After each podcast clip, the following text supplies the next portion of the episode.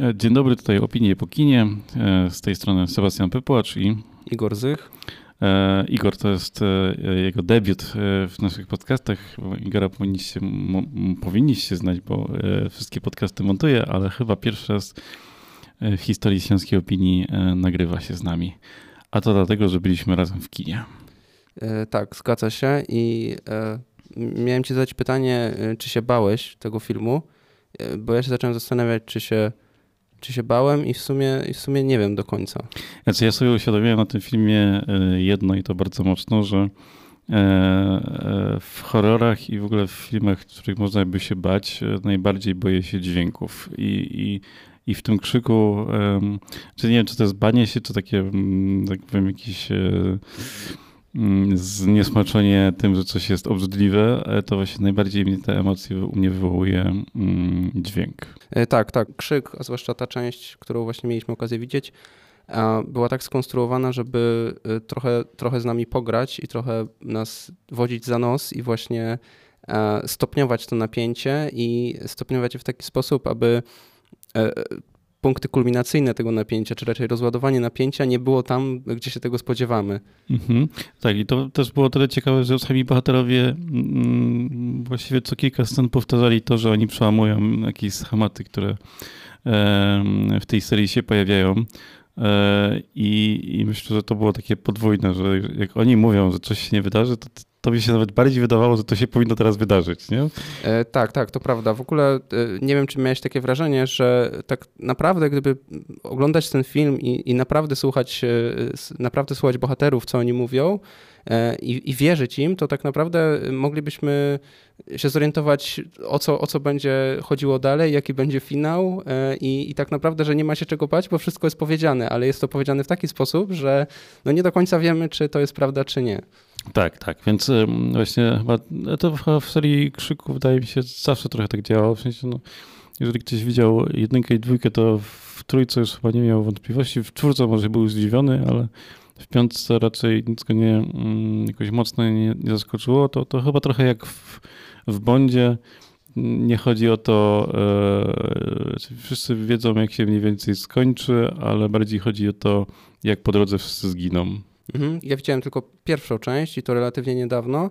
E, I tutaj mamy no, oczywiste nawiązanie do tej, do, do, do pierwszej części, nawet jeśli chodzi o powiedzmy konstrukcję tego filmu. Mhm. Lokalizację tak, bohaterów, tak, tak. też tych takich, e, o których mogli, możemy już nawet nie pamiętać. Mm, e, oni się pojawiają w formie zdjęć, w formie nagrań, wspomnień, a, a raczej głównymi bohaterami są ich dzieci albo dzieci ich jakoś powiązane z ich rodzeństwem. To tak, tak w skrócie właściwie każdy z bohaterów to, to, to, to, to trochę mnie kuło w pewnym momencie, że Właściwie każdy bohater, który się pojawił na ekranie, miał jakieś powiązanie z mm, jakimś bohaterem pierwszo, drugo albo trzecioplanowym z pierwszego krzyku. To prawda, to nawet y, y, w rozmowie po filmie zaraz y, pytałem cię, bo, bo nie do końca mhm. wyłapałem, bo, bo ten wątek był dla mnie trochę niejasny i, i wciśnięty trochę na siłę po to, żeby właśnie jeszcze bardziej pokazać, że, że to wszystko ma związek z, z tym, co działo się kiedyś. Mm, ale mm, sam krzyk, ten oczywiście pierwszy z 96 bodajże roku, mhm. E, był mm, swego rodzaju przełomowym filmem pod względem mm, takiej metakonstrukcji i, i tego, jak był zbudowany i w zasadzie trochę wymykania się z pomiędzy takich e, jakichś gatunkowych kleszczy. E, I i jakbyś miał porównać to właśnie z tej perspektywy, czy, czy Twoim zdaniem mm, ten film, który oglądaliśmy, który możemy obejrzeć teraz w kinach, e, też wymyka się dalej, czy, czy to jest dalej świeże, czy, czy jest aktualne i czy, czy ten schemat się dalej sprawdza w 2022 roku? Czy myślę, że po prostu zapomnieliśmy na kilka lat o tym schemacie i chyba tak trochę taki, mm, no bo Krzyk był takim e, połączeniem trochę i horrorów e, typu Halloween i trochę obśmianie tego, co w Halloween się działo w latach 90., bo wtedy ta seria była totalnie już e, abstrakcyjna. Mhm względem fabuły z takim kinem typu American Pie, czyli takim nastolatkowym, mm, tak, tak. E, koledzowo-high schoolowym kinem.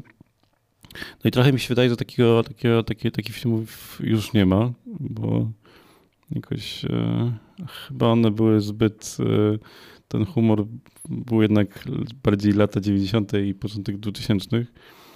No i teraz to jest taki trochę no właśnie, prawdę mówiąc, byłem ciekawy bardziej twojej opinii, albo nawet jestem ciekawy mm, opinii dziewczyn, które są od nas jeszcze młodsze, e, bo wydaje mi się, że takie kino jest chyba trochę niepotrzebne. W sensie ono nie pokazuje chyba już, e, znaczy, no, wydaje mi się, że młodzi trochę inaczej już się bawią, e, dzielą na różne podgrupy i, mhm. i tak jak w tym krzyku było taki ten stereotyp, że jest mięśniak i oczywiście chce, tak powiem, e, spędzić miło czas ze swoją dziewczyną, a ona e, się zastanawia, czy to już ten czas.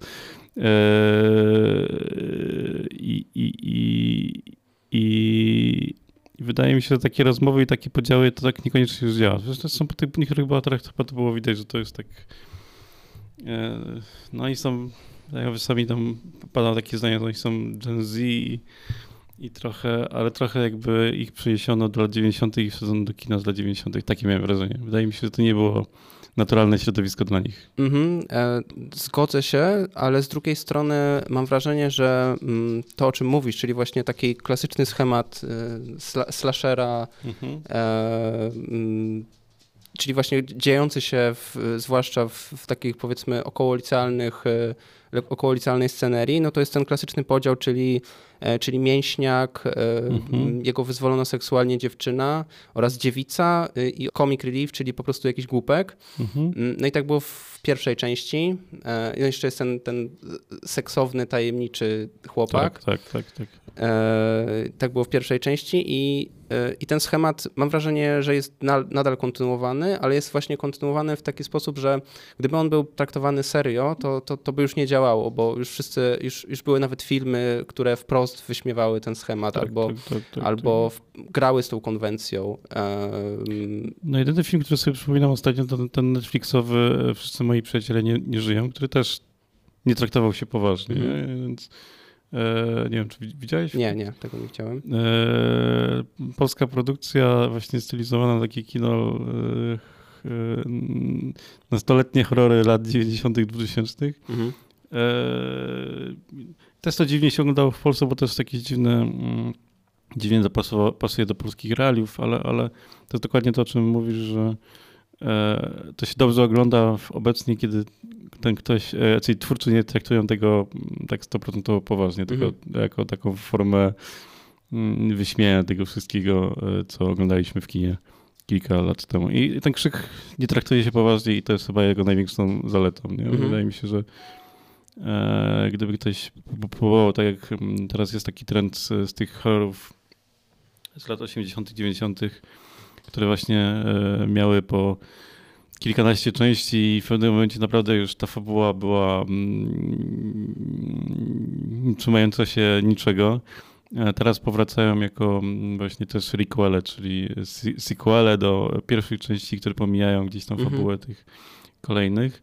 E, I teraz próbują tak zrobić to na poważnie, tak, e, tak, tak. to jest po prostu powinniśmy się traktować. Najczęściej pojawia jakiś dopisek, że e, inspirowane faktami. Mhm. E, to, to, to takie horrory mnie coraz bardziej śmieszą i, i wydaje mi się, że to, to, to nie tędy droga. Nie? Że, no jak idziemy do kina, to raczej jesteśmy na tyle świadomi, że to e, to oczywiście krzyk też potrafi trochę e, wystraszyć, bo są jumpscary i jakieś takie sytuacje wprowadzające na, w napięcie albo właściwie w krzyku chyba jest więcej e, tych sytuacji, spodziewamy się jumpscare'a i jakieś momentu, które ma nas przestraszyć, a on się nie pojawia, nie? E, tak, bardzo ładnie jest to prowadzone. Jest jedna, jedna bardzo długa sekwencja, która, która jest jedną wielką e, właśnie budowaniem napięcia i właściwie cały czas e, spotyka, cały czas spodziewamy się tego, kiedy, kiedy zobaczymy tego Ghostface'a, ale, ale to się nie dzieje. W momencie, kiedy, kiedy wreszcie wydaje nam się, że no, to już, już jest wszystko spokojnie, to, to on się pojawia. Mm, natomiast wydaje mi się, że E, nie wiem, czy masz takie wrażenie, że, że punktem wyjścia w latach 90. dla tego filmu było, e, było takie przeniesienie trochę mm, na ekran jakichś dyskusji właśnie na temat kondycji horrorów, kondycji mhm. slasherów, które się odbywały gdzieś tam e, w wypożyczalniach VHS, w, w szkolnych jakichś stołówkach i tak dalej. Natomiast tutaj jest takie bo trochę właśnie pytając się o to, jak uważasz, czy, czy, czy, czy dobrze to jest osadzone w tym 2022 roku, że jest to swego rodzaju takie przeniesienie tego, co się dzieje na forach internetowych, mm -hmm, czyli tak. mamy, mamy scenę, w której jedna bohaterka nam nakreśla właśnie mm -hmm. o co mhm. chodzi z tymi requelami i tak dalej.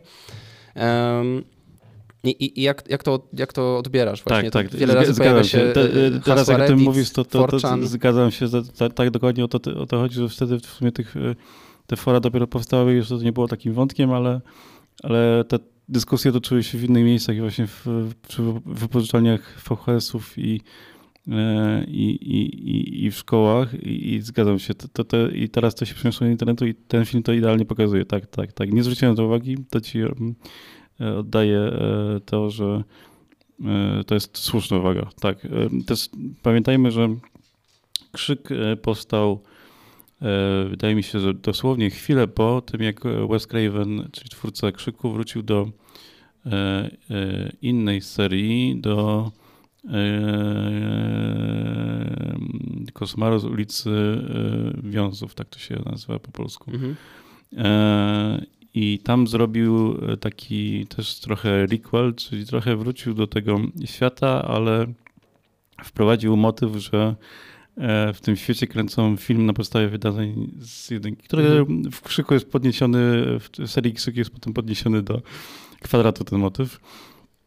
E, I, no i on po prostu był zdegustowany trochę tym, co się w ogóle dzieje w, w tej branży horrorów, więc ten krzyk był takim e, trochę krzykiem rozpaczy. Mhm.